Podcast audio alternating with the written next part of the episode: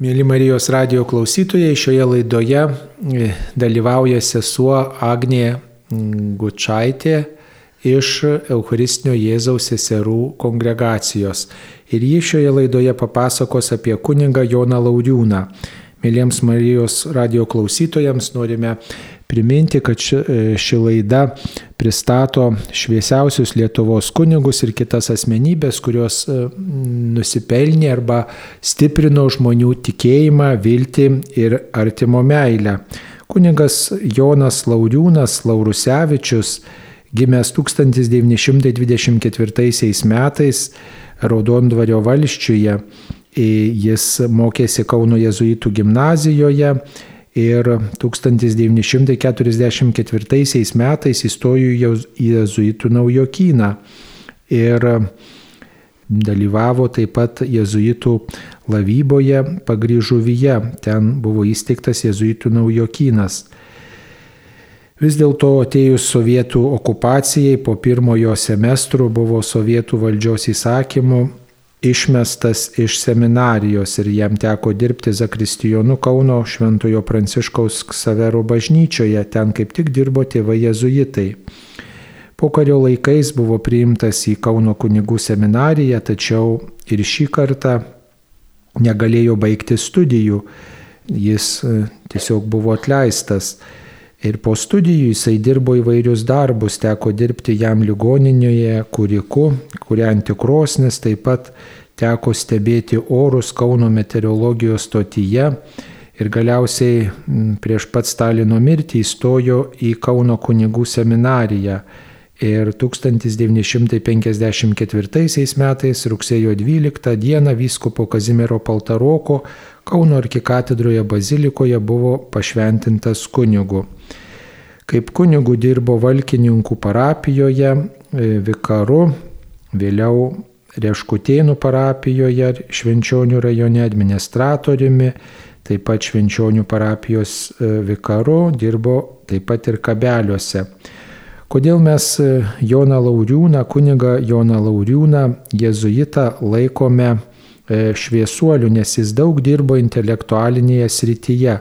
Jisai buvo vertėjas ir mokėjo prancūzų, lenkų, anglų, vokiečių kalbas ir versdavo įvairias knygas į lietuvių kalbą iš šių kalbų. Ir net parašė didelę knygą, kuri vadinosi Žodžiai broliams. Tai buvo pamokslai, jos surinkti ir savilaidos būdu plito po visą Lietuvą. Tai buvo puikia pagalba kunigams homiletikos rytyje.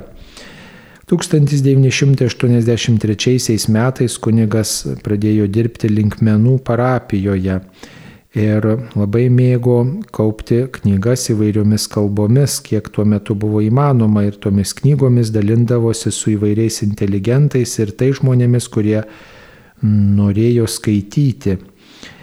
Kai atgimimo laikais buvo leista dėstyti tikybą, E, tapo pirmuoju tikybos mokytojų linkmenyse ir buvo tuo metinio Vilniaus arkivyskupo Julijono Steponavičiaus patarėjų konsultoriumi.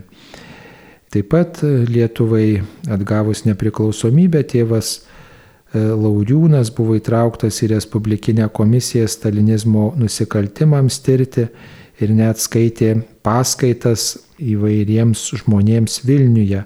Dirbo taip pat Katalikų pasaulio žurnalo redakcinės kolegijos nariu, buvo skyriaus redaktorius. Mirė 1991 m. Liepos 26 d. linkmenyse ir yra palaidotas Kauno Petrašiūnų kapinėse jezuitams skirtoje kapinių vietoje. 2001 m. rūpiučio 22 d. po mirties apdovanotas Vyčiaus kryžiaus ordino riterio kryžiumi. Taigi tiek trumpai apie Lietuvo šviesuolį kunigą Joną Lauriūną. O dabar prašysime sesers Agnės pasidalinti mintimis, kokį jūs prisimenate Joną Lauriūną, nes su juo bendravote, kai jis dirbo Kabelių parapijoje. Taip, aš kartą prisimenu tėvą Joną Lauriūną kažkas pasveikino birželio 24 dieną su vardinėmis. Jis pasakė, mano vardadienis ne šiandien. Iš tikrųjų jis gimė kovo 8 dieną, kai minimas vienuolis šventasis Dievo Jonas, gyvenęs Granadoje, Ispanijoje. O aš susipažinau su tėvu Jonu miškuose už druskininkų, kur suteka juodoji ir baltoji ančia apie 1973 metus. Tada mes burelis, mokytojų Vilniaus universiteto dėstytojų, studentų norėjome giliau pažinti Dievą, o kadangi tais laikais buvome persiekojami tarybinio saugumo, grėsė išmetimas iš darbo, iš universiteto, sugalvojame pasislėpti miškuose, savaitę pagyventi palapinėse, pasikviesti kunigą, kad būtų aukojama šventos mišios, kad galėtume pasigilinti į tikėjimo tiesas. Ir prisimenu, ten ant čia atplaukė pripučiamoji valtelioje, dabar kunigas Kazys Ambrasas su tokiu žilstelėjusiu žmogumi. O aš tuo metu tik kelis kartus buvau kuniga mačiusi, nes žengiau pirmosius tikėjimo žingsnius. Ir mes tenai gyvenome palapinėse, ant laužo virėme valgyti. Mišios palyginant didelėje palapinėje, konferencijos pokalbiai. Mes jauni, mums tai paprasta stovyklauti, o žiūrim tam žmogui nepatogu ir prie laužo sėdėti sukryžiavus kojom. Ir keista mūsų arbata, kai čia verdam ant laužo, pasigraibom žolelių, įmetam ir geriam. Nu, bet jisai kantriai pakėlė visą tą gyvenimą ir jis mane pakvietė aplankyti į kabeliuose. Aš susiradau žemėlapyje, kurie yra, atsimenu, kaip ėjau iš traukinių stotelės senovės miškų, keturis kilometrus drėgną rudens dieną, pamačiau bažnytėlę tarp medžių, ėjau į kleboniją, kunigas pakvietė mane, pasikvietė į kambarį, kambarys kuklus, nieko nereikalingo, daug knygų sukrautų į paprastas nuobliuotų lentų lentynas, kaimišką drabužių spintą, siaurutę lovą, Viduryje sienos kabojo rusva nemaža litografija, kurioje buvo pavaizduotas Jėzus nuleidęs galvą sėdintis ant kryžiaus. Tėvas Jonas sakė, kad įsigijo ją pirmaisiais savo kunigystės metais. Kai tekdavo užėti į jo kambarį, mano akis vis krypdavo šį Jėzų, kuris savyje atrodo talpino visus mūsų kasdieninius ir visus mūsų kenčiančios lietuvių tautos ir viso pasaulio rūpešius. Taip pat ant sienos prie rašomojo stalo iš kairės pusės kabojo kitas nukryžiuotojo atvirutės didžiojo, dydžio paveikslėlis, grafiškas pieštas tušu. Jį nupiešė taip pat studijuodamas pats tėvas kunigas Lauriūnas, kuris po jo mirties dingęs, kaip sakė vyskupas Boruta. Taip pat kitam kambaryje ant sienos kabojo irgi kryžius su nukryžiuotoju. Labai gražus, jisai mums patiko atvažiuojantiems. Kaip tėvas pasako, jį buvo padovanojęs profesorius Ladas Jurgutis, grįžęs iš Štutgofo koncentracijos stovyklos. Ir tėvas Lauriūnas sakė, kad tai buvo pirmas žmogus, kurio išklausė išpažinti. Tai jis mėgdavo papasakoti apie savo gyvenimą, apie savo praeitį, taip įsikalbėdavom. Tai ką papasakodavo iš savo gyvenimo praeities, kokius epizodus dabar galite prisiminti? Jis pasakojo apie studijas, pasakojo, kaip e, baigėsi karas ir teko e, jau grėsė uždaryti seminariją, kaip jie studentai nešė bibliotekos knygos stogais iš, iš bibliotekos lėpė, kažkur kitur pernešinėjo. Kažką pasako iš savo jaunystės, pasako dar tiesą iš mokyklos, kaip jisai jezuitų gimnazijoje studijavo ir sako, sesuo numesgė jam mėgstinis, ankštas kaklas buvo ir sako, nu, ten reikėjo būti labai tvarkingiams, bet spaudė kaklą ir jis atsisegė vieną sagą. Nu, ir štai buvo e, drausmės ar ten tvarkingumo gavo prastesnį pažymį, pažymį, taip. Nors jisai, kai studijavo, gerai jisai mokėsi, taip vis pavyzdingas buvo mokinys. Taip, ir e, jisai štai parašęs pamokslus, kurie paplito po visą Lietuvą, tai jums turbūt irgi nekarta teko klausytis jo pamokslų. Paprastai mes e, susidarom įspūdį apie kunigą klausydamiesi jo pamokslo, kaip jis masto, koks jo įsilavinimo lygis, kiek jisai į širdį sugeba prakalbėti, tada mums labiau tas kunigas, jo stilius pažįstamas yra. Kokie buvo kunigo Jono Lauriūno pamokslai? Atsimenu, kaip jisai pamokslus jau užlipdavo į sakyklą, tais laikais sakyklos aukštai būdavo ir ilgi, intelektualūs, tikrai įdomus labai pamokslai tiesiog pavyzdžių pateikdavo, ar, ar šventą raštą cituodavo, ar įtaigos tokios turėjo, už tai klausydavosi, ar tiesiog, nu, taip paklausai, gal vieną kažkokią mintį pasisėmi ir visą kitą palieki kitiems galbūt. Jo, jo būdavo labai turiningi pamokslai, bet, bet jisai toks labiau profesoriaus lygio buvo, toksai dėstydavo. ilgiau. Bet man dar vienas išlikęs tas jo asketizmas labai stiprus. Reiškia, pavyzdžiui, jisai, kai rašydavo pamokslus ir šeimininkė pakviečia pietauti, tai jisai net nebaigę žodžio atsistodavo nuo rašomosios mašinėlės ir eidavo, kurį kviečia. Reiškia, jisai ne savo, bet kur pasakyta, Dievo valia yra tokia ir jisai labai griežtai šito laikėsi. O kokie buvo jo pomėgiai, gal vis tiek turėjo kažkokių pomėgių, kurie būtų, padėtų jį labiau geriau pažinti, kas tai buvo per žmogus. Kai aš su juo susipažinau, nu, jisai buvo toks, nu, kaimo klebonas galbūt. Pas jį atvažiuodavo patarimų, seselės, tada pogrindinė gyvenančios užeidavo kaimo žmonės, jisai su jais būdavo labai nuoširdus. O aš kai pradėjau lankytis kabeliuose, nu, mano kompanija buvo inteligentų kompanija. O mes tais laikais tikrai bijodavome į bažnyčią, nes grėsdavo mums išmetimas iš darbo ir visa kita. Ir atvažiuodavo su savo draugais. E, vienas iš jų buvo e, Leonas Petravičius, germanistas, kuris ir vertė knygas. Taip pat kartą atvažiavom su jo draugu atvykusiu iš demokratinės Vokietijos Hansu Fischeriu. Ir kaip jisai pats sakė, kad tėvo Lauriūno gyvenimo būdas ir paprastumas, rimtumas, gilumas palėtė į tiek, kad jam net padėjo apsispręsti tapti kunigu. Ir mes su draugais irgi pasi laisvomis dienomis, tų švenčių dienomis, kai tridienius turėdavom ar daugiau, susiorganizuodavom kelių dienų rekolekcijas. Ir tai jos buvo tikrai labai ypatingos ir kaip sakė draugai, skaidrios sielos žmogus, o seserys įvadino Saulę. O iš kur tas skaidrumas? Ar, ar tiesiog meilė spinduliavo, ar bendravimo stilius? Visi mes norim būti skaidrus, švelnus, nuoširdus, bet ne visiems pavyksta. Ar čia Dievo dovana? Kas tai yra tas skaidrumas?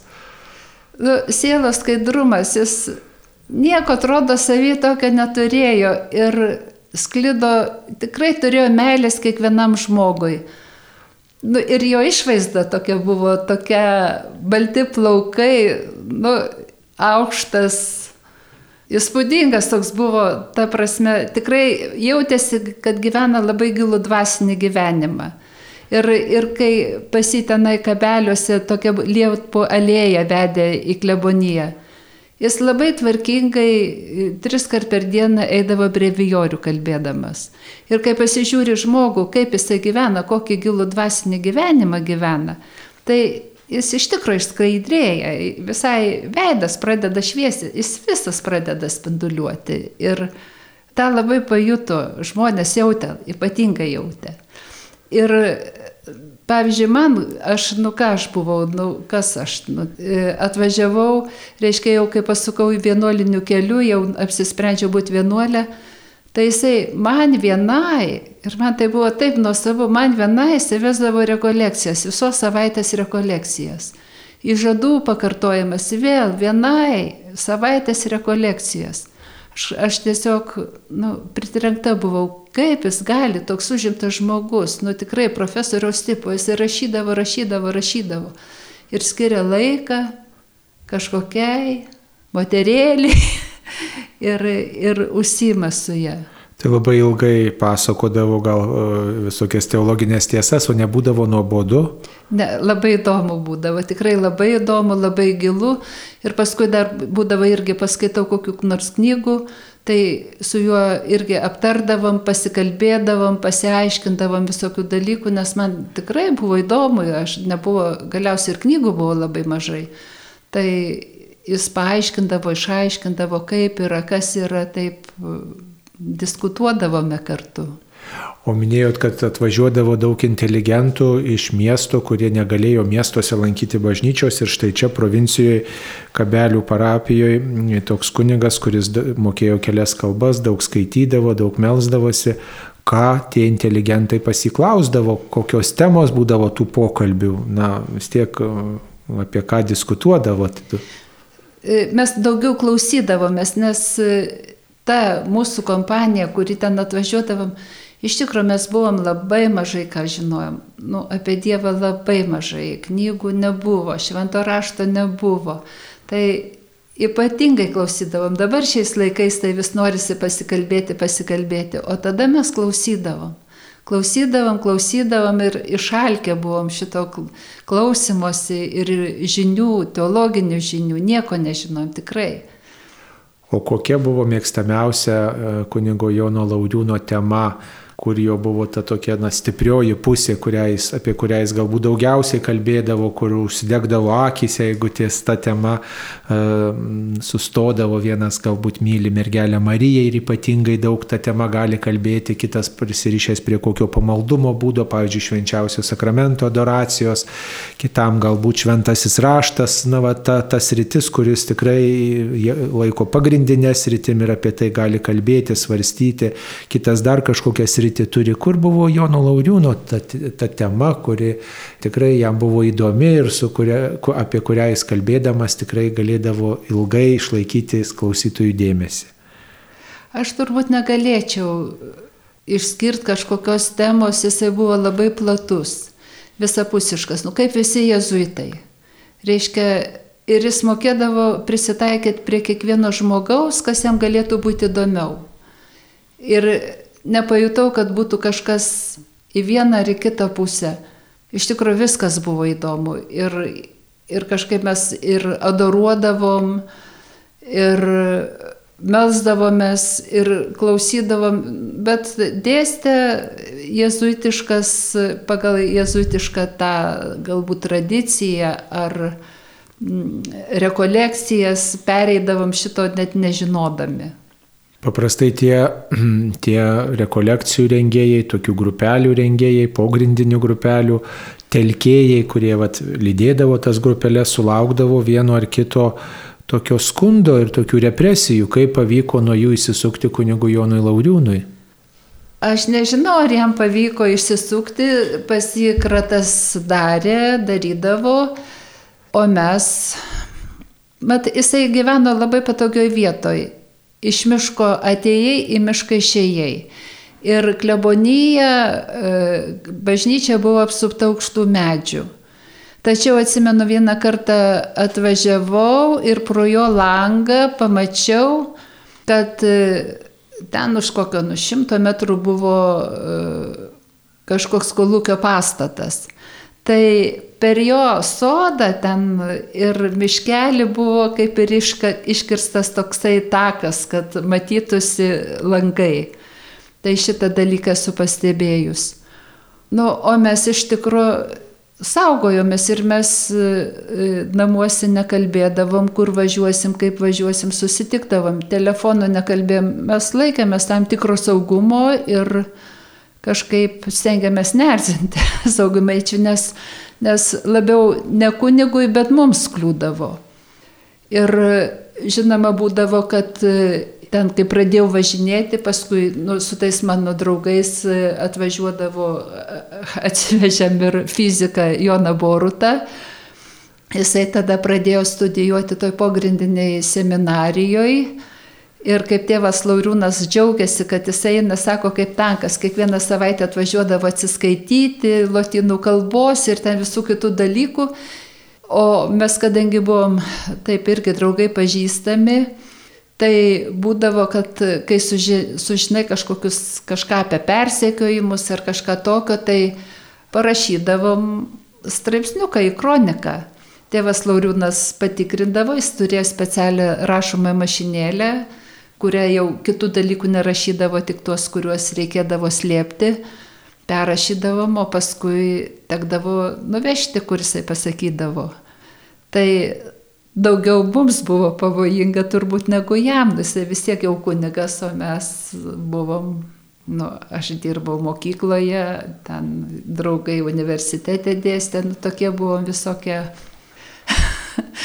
buvo įdomu. Jisai garsėjo kaip tas kunigas, kuris daug kalbėjo taip pat apie tautiškumą ir kodėl štai kam jisai kalbėdavo, nes paprastai tie, kas kalbėdavo apie lietuvybę, apie šaknis, apie tradicijas, na tai smarkiai rizikavo tais laikais. Ar teko girdėti jį kalbant apie nu, apie lietuviškas tradicijas, apie tokią pagarbą savo praeičiai, apie tas vertybės, kurios štai e, dabar jau laisvai gali, e, minimos, svarstomos, tačiau galbūt nedaug ką domina, o tais laikais ar jisai kalbėdavo? Jisai ir kalbėdavo ir labai džiaugdavo, džiaugdavosi, kad ir mums, mes mylėjom Lietuvą ir tas tradicijas. Ir mėgdavo, labai mėgdavo, kai dainuodavom liaudės dainas. Tai jisai galėdavo klausytis ir klausytis. Jisai pats nelabai galėjo dainuoti, bet jam tai buvo labai brangu. Paskui liaudės menas, visai rankšluoščiai, atsimenu, tais laikais dar buvo, kad dzuk, Dzukijoje, kai laidodavo, sumesdavo į kapą rankšluošius, kur neždavo e, karstą. Tai jisai buvo jau prieš tą tradiciją mesti rankšluošius, kad tai yra kultūros vertybė, kad tą reikėtų saugoti. Viena tokia mintis, kuri yra įstrigus e, jį pažinojusiems žmonėms, kad jisai kartodavo e, tokį posakį bent keletą kartų, bent tam žmogui yra įstrigę, iš kurio girdėjau, kad nueisime ten, kur mes žiūrime. Tai reiškia, į, į ką tu žvelgi, kas yra tavo gyvenimo tikslas, tu jį pasieksi, jeigu to trokšti. Tai jo išvada būdavo, kad apsimoka trokšti didelių dalykų paties Dievo, tai ten ir nukeliausi. Jeigu tu apsiriboji kažkuo mažesniu, tai tik tai tą mažesnį ir pasieksi. O jeigu trokšti paties Dievo, patį Dievą pasieksi, galbūt kokia kita mintis yra jums įstrigus iš jo pamokslų arba kažką prisimindavot, kažką atrasdavot, kai, kai ten jo klausydavotės, tiesiog, na, nu, su kokiu jausmu išvažiuodavot iš jo, iš jo rekolekcijų, iš, iš kabelių, grįždavot į Vilnių. Norėdavosi labai būti tobulesnė, tobulesnė, tobulesnė. Ir tai dar labai sekdavosi, bet vis tiek tas noras būdavo stiprus ir jis kažkaip mokėdavo išvelgti, ką žmogus turi tokio ypatingo, kažkokį ypatingą bruožą, ar ką galėtų pasiekti. Ir, nu, aš kai mokytoja buvau, tada tai jisai man dar vieną mergaitę, kitą mergaitę ten iš kaimo paprašydavo, kad pabendraučiau, kad pasikalbėtume. Jisai labai rūpinosi jaunimo auklėjimu, jaunimo puoselėjimu. Nu, ir mūsų taip pat, nes vis tiek Dievas švietė ir Jėzaus pavyzdys, juo sekti. Ar iš jo skolindavotės kokių knygų, kurios nu, praturtintų jūsų dvasinį gyvenimą, jūsų akiratį plėstų, teko kažką pasi? Taip, man labai patiko į Horebo kalną tokia knyga ten buvo turbūt e, laisvas jo vertimas. Ir iš tikrųjų tokia rimta rekolekcijų knyga buvo. Ir aš irgi pagal tą knygą esu atlikus rekolekcijas. Ir tekdavo dar, nu, ne tik tai tai, kad va paskaityti, bet man teko išvažiuoti tą demokratinę Vokietiją tais laikais. Ir jis paprašydavo kartais net konkrečių knygų, kurias galėčiau parvežti. Ir atsimenu, taip, vežu metrą knygų, aš nežinau, kaip aš tenai per tą sieną pravažiuodavo, bet kažkaip pravažiuodavo. Ir jisai tas knygas, reiškia, duodavo žmonėm, kad jie išverstų, tie, kas galėtų išverst, peržiūrėdavo knygas, kas galėtų išverst, kurios yra, būtų reikalingesnės, naudingesnės. Ir tas pats Leonas Petravičius vertė ir paskui buvo tokia mokytoja viena vokiečių kalbos. Jis prašydavo išversti ir paskui tos knygos būdavo dauginamos mašinėlė ir ėjo per žmonės per rankas. Dar yra išlikus tokia viena mintis, kad jis buvo vienas iš tų kunigų, kurie na, skleidė blaivybę, kaip apibūdinama. Tai e, vis tiek žinoma, kad anksčiau ir dabar žmonės geria, vartoja alkoholį ir jeigu susidurdavo su tokiais atvejais, gal yra tekę girdėti, kaip reaguodavo. Kartais e, žmonės iširsta, kai, kai mato girtokliaujant arba e, jų akivaizdoje, arba išgirsta apie tokius atvejus, tai barasi gal kiti, o kaip reaguodavo kunigas Lauriūnas, nes jeigu jis apibūdinamas kaip tas, kuris gynė blaivybę, pasisakė už blaivybę, tai kaip tą išreiškė, gal jums yra žinoma? Iš tikrųjų labai griežtai. Tais laikais buvo toksai kaip ir judėjimas kunigų tarpe, kad nebus, nedalyvau šermenyse arba metinės bus kitą dieną, jeigu per jas bus alkoholio. Ir kunigai iš tikrųjų šito dalyko laikėsi. Buvo tam grupė kunigų, kurie šito tikrai griežtai laikėsi. Ir atsimenu, dar kadangi jisai apie žmonės tik labai gerai atsiliepdavo, jisai niekada nėra jokio blogo žodelio pasakęs. Tai atsimenu, laidojo vieną pijokėlį ir žmonės savo tarpę sako, nu įdomu, ką dabar tėvas Lauriūnas pasakys apie šitą gero, apie šitą žmogų. Tai surasdavo ką. Bet e, buvo ir taip, kad per laidotuvės buvo alkoholio. Tai tada kai jau buvo metinės, jisai pasakė, kad tą dieną ne, sekmadienį savaitgalį ir kada ten nebus mišių, bus savaitės diena, nes kitaip susirenka ir jie geria. Jisai savo sąlygas pasatydavo ir jų laikėsi griežtai. O kaip žmonės nesakydavo, eisim pas kitą kunigą, pas kaimyną kunigą ir jis mums patarnaus. Nu, aš šito nežinau, kaimynų kunigų nelabai ir buvo, bet kaimynai kunigai irgi laikėsi šitos nuostatos. Na, visada žmogų galima pažinti, kai, kai taip pat, e, na, ypač šviesų kuniga ir jis prieartėja šviesia asmenybė, kai pamatau ir kokį trūkumą, tada jis man tampa artimesnis, nes ir aš tokių trūkumų turiu. Ar pastebėjot galbūt kokį bruožą, kuris, na, nu, kokį diskretišką, švelnų galėtumėt pasakyti, kuris gal, nu, būtų toks neigiamas ir tarsi mus priartintų trapius, klystančius žmonės prie tų tokių šviesių asmenybių. Nežinau, aš negalėčiau tai pasakyti, kad jisai būtų kažkaip. Man tai viskas kažkaip normalu buvo, bet buvo įdomu tik tai tiek, kad jisai tiek įsikniaubęs į savo knygas, kad jisai buvo nu, nepraktiškas žmogus. Reiškia, jeigu šeimininko kes nėra, jis lieka vienas namuose, tai jam išsikepti kiaušinienės kokios nors ar užsivirti arbatos būdavo sudėtinga. Jisai paprasčiausia pasitenkindavo vandeniu ir duona.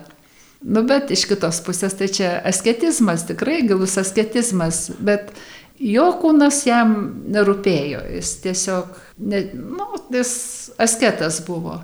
Ir dar įdomu buvo, kad jisai, pavyzdžiui, irgi tiek dvasinius dalykus įsikniaubęs, kad Jisai nekeliavo visiškai, jisai net prie Baltijos jūros nebuvo nuvažiavęs. Tik tai tiek, kiek reikalai spaudžia, kiek reikia, kurį kviečia, ten jisai visur važiuodavo, vesti rekolekcijų, kur pakviesdavo, važiuodavo, dažniausiai Vilnius, Kaunas. Bet kad toliau išvažiuotų, tai labai jau sunkiai. Bet buvo taip, kad mes Nu, aš daug buvau keliavus, labai daug keliavus ir po kalnus įvairius. Ir kai parvažiuodavau, vis parodydavau skaidrių. Tai po keturių metų jisai pagaliau susiruošė, nu, kad jis irgi norėtų jau pamatyti, kur sena kultūra, tos tautos. Tai mes nuvažiavom, nuskridom į Gruziją ir Armeniją. O paskui dar po metų ten grupelė į Vidurinę Aziją, Buharą, Hyvą, Samarkantą, pamatėm šitas vietas. Jis labai džiaugiasi, jam tikrai praturtino, pasakodavo žmonėm. Bet šiaip jo gyvenimas tikrai sukosi tik apie pagrindinius dalykus, kurie veda į Dievą. Nu, jam svarbu buvo turbūt būti su tai žmonėmis, kurie jam pavesti ir buvo paskendęs įvairiuose knygose, nes jeigu vertė tas knygas ir jam na, buvo svarbu, kad to, tos knygos e, kažkokiom kitom kalbom išleistos, o štai oficialiai m, negalima, kad jos paplistų po Lietuvą, tai bent savilaidos būdų rūpinosi, kad e, kad jos būtų skaitomos ir kad jas skaitytų kunigai, pogrindžio vienuolės ir inteligentai, kad žmonės šviestusi tokiu būdu.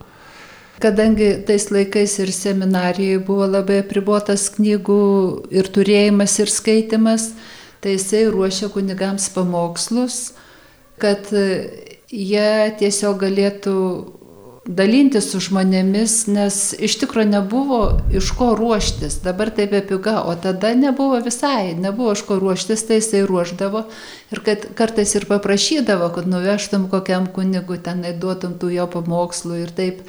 Jie dauginosi, tai čia buvo toks nu, labai geras rimtas darbas. Ir paskui dar vieną dalyką jisai darė, tai buvo jau po antro Vatikano susirinkimo, kadangi dar mišios lotynų kalba daugiausiai vykdavo, tai jisai ir ten kiti jezuitai pradėjo verti, versti mišių tekstus, maldas į lietuvių kalbą. Ir tėvas Lauriūnas labai rūpinosi mišių tekstais, jisai vertė juos ir lyg, versdamas lygino su prancūzų, anglų, lotynų kalbom, reiškia kaip išversti geriau tą tekstą, kad atitiktų tą tikrąjį lotynišką tekstą, kaip lietuviškai pasakyti, bet nenusižengiant. E, Originalų kalbą. Taip. Latinų kalbai. Na, minėjot, kad jums teko keliauti su juo po įvairius kraštus. E, kelionėse paprastai irgi žmogų pažįstam, kokius gal naujus bruožus atrasdavot jo gyvenime, naujas savybės, kurių iki tol nepažinojot kelionėse. Nu, jis buvo labai kantrus ir Iš tikrųjų, jam buvo labai daug naujų dalykų. Man atrodo, jisai turėjo aukščio baimę, o aš ten dar pagalvojau, kad kalnai yra labai gražus ir tikrai traukia prie Dievo. Mes nuvažiavom prie Elbruso. Ir keltas yra keltis, o, o tas keltas atsisėdi vežimėlį, vienas sėdi vežimėlį, kojas stabaluoja ir aukštai ir aš galvoju, ar jisai gyvas užsikels ten iki viršaus ar ne. Ir kažkaip užsikėlė, paskui taip šiek tiek susmuko, nes vis tiek tas aukštis ten apsvaigo matyti galva, bet jisai taip kantriai ėjo ir nieko jis. Bet labai džiaugiasi, kad tikrai tai yra kažkas ypatinga ir kai pamatė Donguzarūnas, ten nepaprastai gražus kalnas. Ir, nu, Dievo didybė stebėjosi nepaprastai.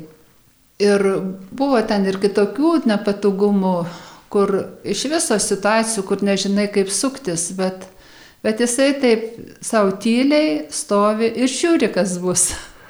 Ir paskui labai džiaugiasi, kad mes tikrai iš tų visų tokių gana sudėtingų situacijų labai gražiai išeidavom.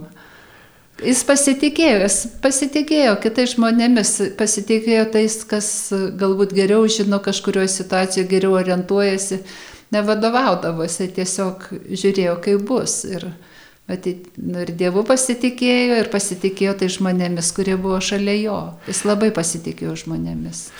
O ką pasakytumėte apie jo pamaldumą šventiesiems? galbūt turėjo kažkokį savo mylimą šventąjį, nors jo vardas Jonas, Jonas Krikštytojas galbūt jo buvo mylimas šventasis, galbūt Jonas Evangelistas ar koks kitas šventasis, kuriam, kuriam jis melsdavosi ar apie kurį kalbėdavo dažniau. Aš šito nepajutau. Kabelių bažnyčioje e, buvo tokia neogotikiniai mediniai altoriai. Ir jisai apstatyti šventaisiais įvairiais. O jisai, kadangi vis tiek jam Jėzus centre, Jisai tuos šventuosius sunešė Zakristyje. Ir altoriai irgi buvo tokie, kas svarbiausia, sketiški, pagrindinis paveikslas atitinkantis liturgijos laikotarpį. Ir kad kažkokiam šventajam aš šito nepajutau, bet Jėzus, Jėzaus širdžiai, manau. Ir galiausiai tie paveikslai, kurie kabojo ant sienos, tai man atrodo rodė jo kelią ir kas jam brangiausia, Jėzus ant kryžiaus. Nes jeigu jo paties nukryžiuotasis Jėzus buvo nupieštas, tai jam Jėzus centre. O gal žinot, kokiom aplinkybėmis tą Jėzų nupiešė prie kolekcijas ar laisvalaikio, ar nežinau, dar kokiom kitom progom? Iš šito nepapasakojo, nes man atrodo, kad jisai visai piešti nemoka. Jis ten kažkokiam vaikelį nupiešė katinėlį, tai taip. Labai vargingas. Nu, labai jau, jau, taip jau visai. Vaikiškas, ne? Vaikiškas, jau labai vaikiškas. Bet e, tas paveikslas, tas e, nukryžiuotas Jėzus ant kryžiaus, nuleista galva, tik tai va tas viršutinė Jėzaus dalis, tai buvo labai įspūdinga. O iš kur žinot, kad ten būtent e, Jono Lauriūno nupiešta? Jisai pats pasakė, vieną kartą prasitarė. Na. Bet šiaip jis apie save nemėgdavo taip daug pasakoti. Na, paprastai kunigo gyvenime, tokio pasišventusio kunigo gyvenime, pamaldaus kunigo kelioniai svarbi yra mergelė Marija. Ką galėtumėte apie kunigo Jono Lauriūno šitą pamaldumą pasakyti? Ar įstrigo kažkoks meldimasis rožinio, nežinau, dar kažkokios maldos Marijai? Ar kažkokios rekolekcijos, kurias jisai vestų apie mergelę Mariją? Man atskirai apie mergelę Mariją rekolekcijų neteko girdėti iš jo. Visos rekolekcijas, kuriuose aš buvau, tai būdavo jezuitiškos, tikrai grinai pagal tą struktūrą. E, mergelė Marija būdavo kažkokia tema apie mergelę Mariją, bet tokio ypatingo nebuvo. Tačiau irgi jeigu va vėl jo pagarba ir žvilgsnį Marija turbūt atskleisdavo ir tai, kaip jis žvelgia į meną. Ir jam buvo labai svarbu altoriaus paveikslai. Ir atsimenu kabelių paveikslai, kaip jisai paprašė dailininko Kmėliausko, kad nutapytų kalėdoms paveikslą Mariją su kūdikiu. Taip irgi tas toksai modernus gana paveikslas, neįprastas mūsų bažnyčioje, kur matome bažnyčiose paveikslas.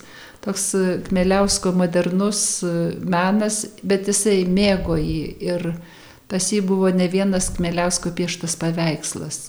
Tai juos laikė bažnyčiai ar, ar klebonėje? Centriniam altoriuje. Taip. Centriniam altoriuje. Jisai, jam svarbu buvo bažnyčioje. Bažnyčia, kaip atrodo bažnyčia. Tai namai tai tik tai tokie asketiški, kas svarbiausia ir, ir labai paprasta. O bažnyčioje jisai jau žiūrėjo ypatingai, kad būtų tvarkinga, kuklu, bet išlaikytas stilius. Jis labai jautė meną, labai jautė meną. Na gal kokį dar prisimenat nutikimą susijusi su kunigu Jonu Lauriūnu, kokia netikėta situacija, kuri nustebino, nudžiugino, prajuokino jūs. Galbūt buvo su svečiais kokių situacijų.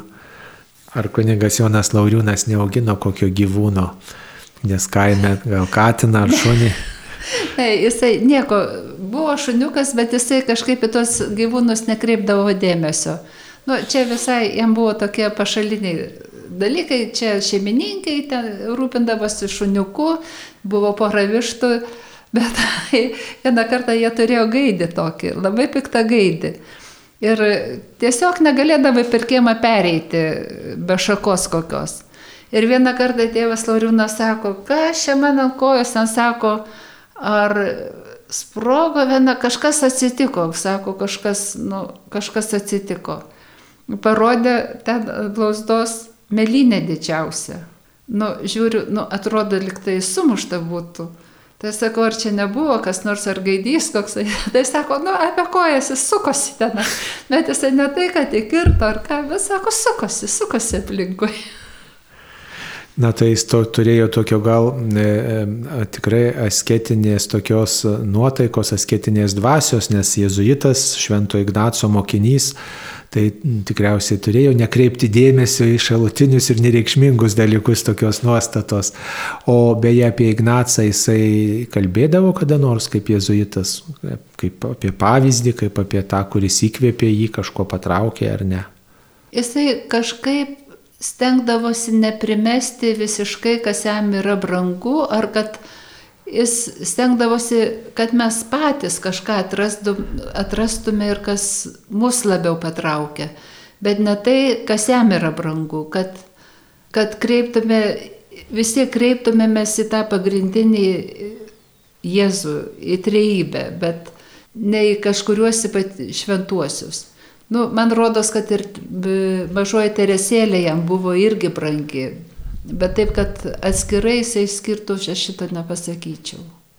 Ar turėjo kokių relikvijų, pavyzdžiui, klebonijoje, kurios jam būtų ypatingai brangios, kai keliauja iš parapijos į parapiją arba iš savo šeimos, dar tokių, kurios, na, kurios jam kažką primintų, žadintų kokį pamaldumą ar santyki su kitais žmonėmis?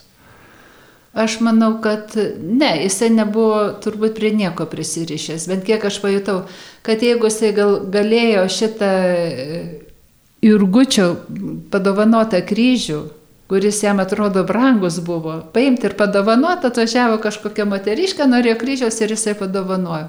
Šitokį brangų kryžių ir jis iš tikrųjų buvo labai gražus. Ir, na, nu, jie norėjo kryžiaus, padovanojo arba tą paveikslą, kuris kabojo jo kambaryje, nu, kartu čia ir darbo ir mėgamasis jo buvo bendras kambarys, viskas jame buvo. Ir tą litografiją Jėzų kryž, sėdinti ant kryžiaus, kad irgi galėjo nu, padovanoti ar kaip čia duoti depozitą. Tai aš nežinau, aš labai stebėjausi. Ir ne aš viena stebėjausi, kaip jisai gali šitokius, reiškia, brangius paveikslus taip lengvai atiduoti. Jis vieton to kryžiaus pasikabino, bet jau čia jau pačioj pabaigoj kažkoks iš jo krašto dailininkas nupiešė e, trobelę, kuris gimė, kuris tėvų namą.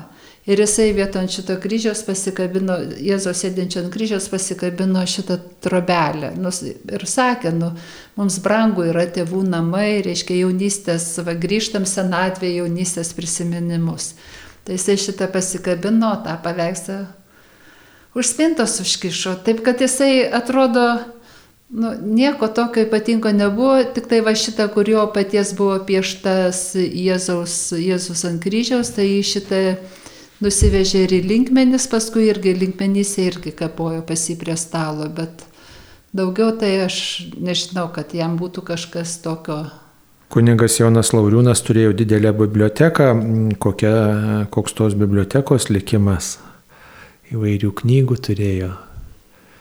Kai jis važiavo iš kabelius, tai visas knygas pasijėmė.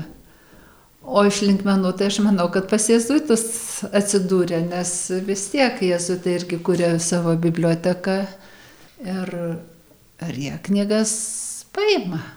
O kaip jį prisimena linkmenų žmonės, kabelių žmonės ten, kuris darbavosi, gal teko girdėti vėliau ar, ar buvo lankytis tuose kraštuose. Su kabeliškais aš ir dabar pabendrauju ir tenai nuvažiuoju. Ir yra, nu, tokių, kur tikrai labai gerai atsimena. Ir, ir dabar buvo net ir paminėtas jisai kabelių bažnyčioje Viskupas Lionginas Virbalas buvo atvažiavęs, nes irgi yra jo mokinys. Ten gyvena tokia Onutė Grigaitė, jo auklėtinė. Ir dabar irgi puoselėja jo atminimą, kad net kabeliškiai ruošiasi pastatyti tokią atminimo lentą akmeninę, kur būtų įrašyti jo žodžiai ir taip pat pagrindiniai darbai, kuriuos jisai nuveikė kabeliuose ir ne tik kabeliuose, kad ten buvo kaip ir e, kad ten lankydavosi pogrindinės e, kunigų seminarijos auklėtiniai, kad jisai, reiškia, puoselėjo tuos nu, ir lietuvybės tokius e, principus. Taip. Na ir ką dar galėtumėte pridurti apie kunigą Joną Lauriūną šios laidos pabaigai? Gal kažkokią mintį prisiminsit iš jo pasakytą pamokymą ar posakį, kurį jisai kartodavo? Degti ir neužgesti. tai tas jo vis eiti pirmin, pirmin, pirmin. Ir tas begalinis šviesumas ir tikėjimas ateitim iš tikrųjų. Mėly Marijos radio klausytojai, šioje laidoje kalbėjome apie kunigą Joną Lauriūną, jezuitą ir apie jį pasakojo sesuo Agnė Gučaitė iš Eucharistinio Jėzaus seserų kongregacijos. Ačiū sudė.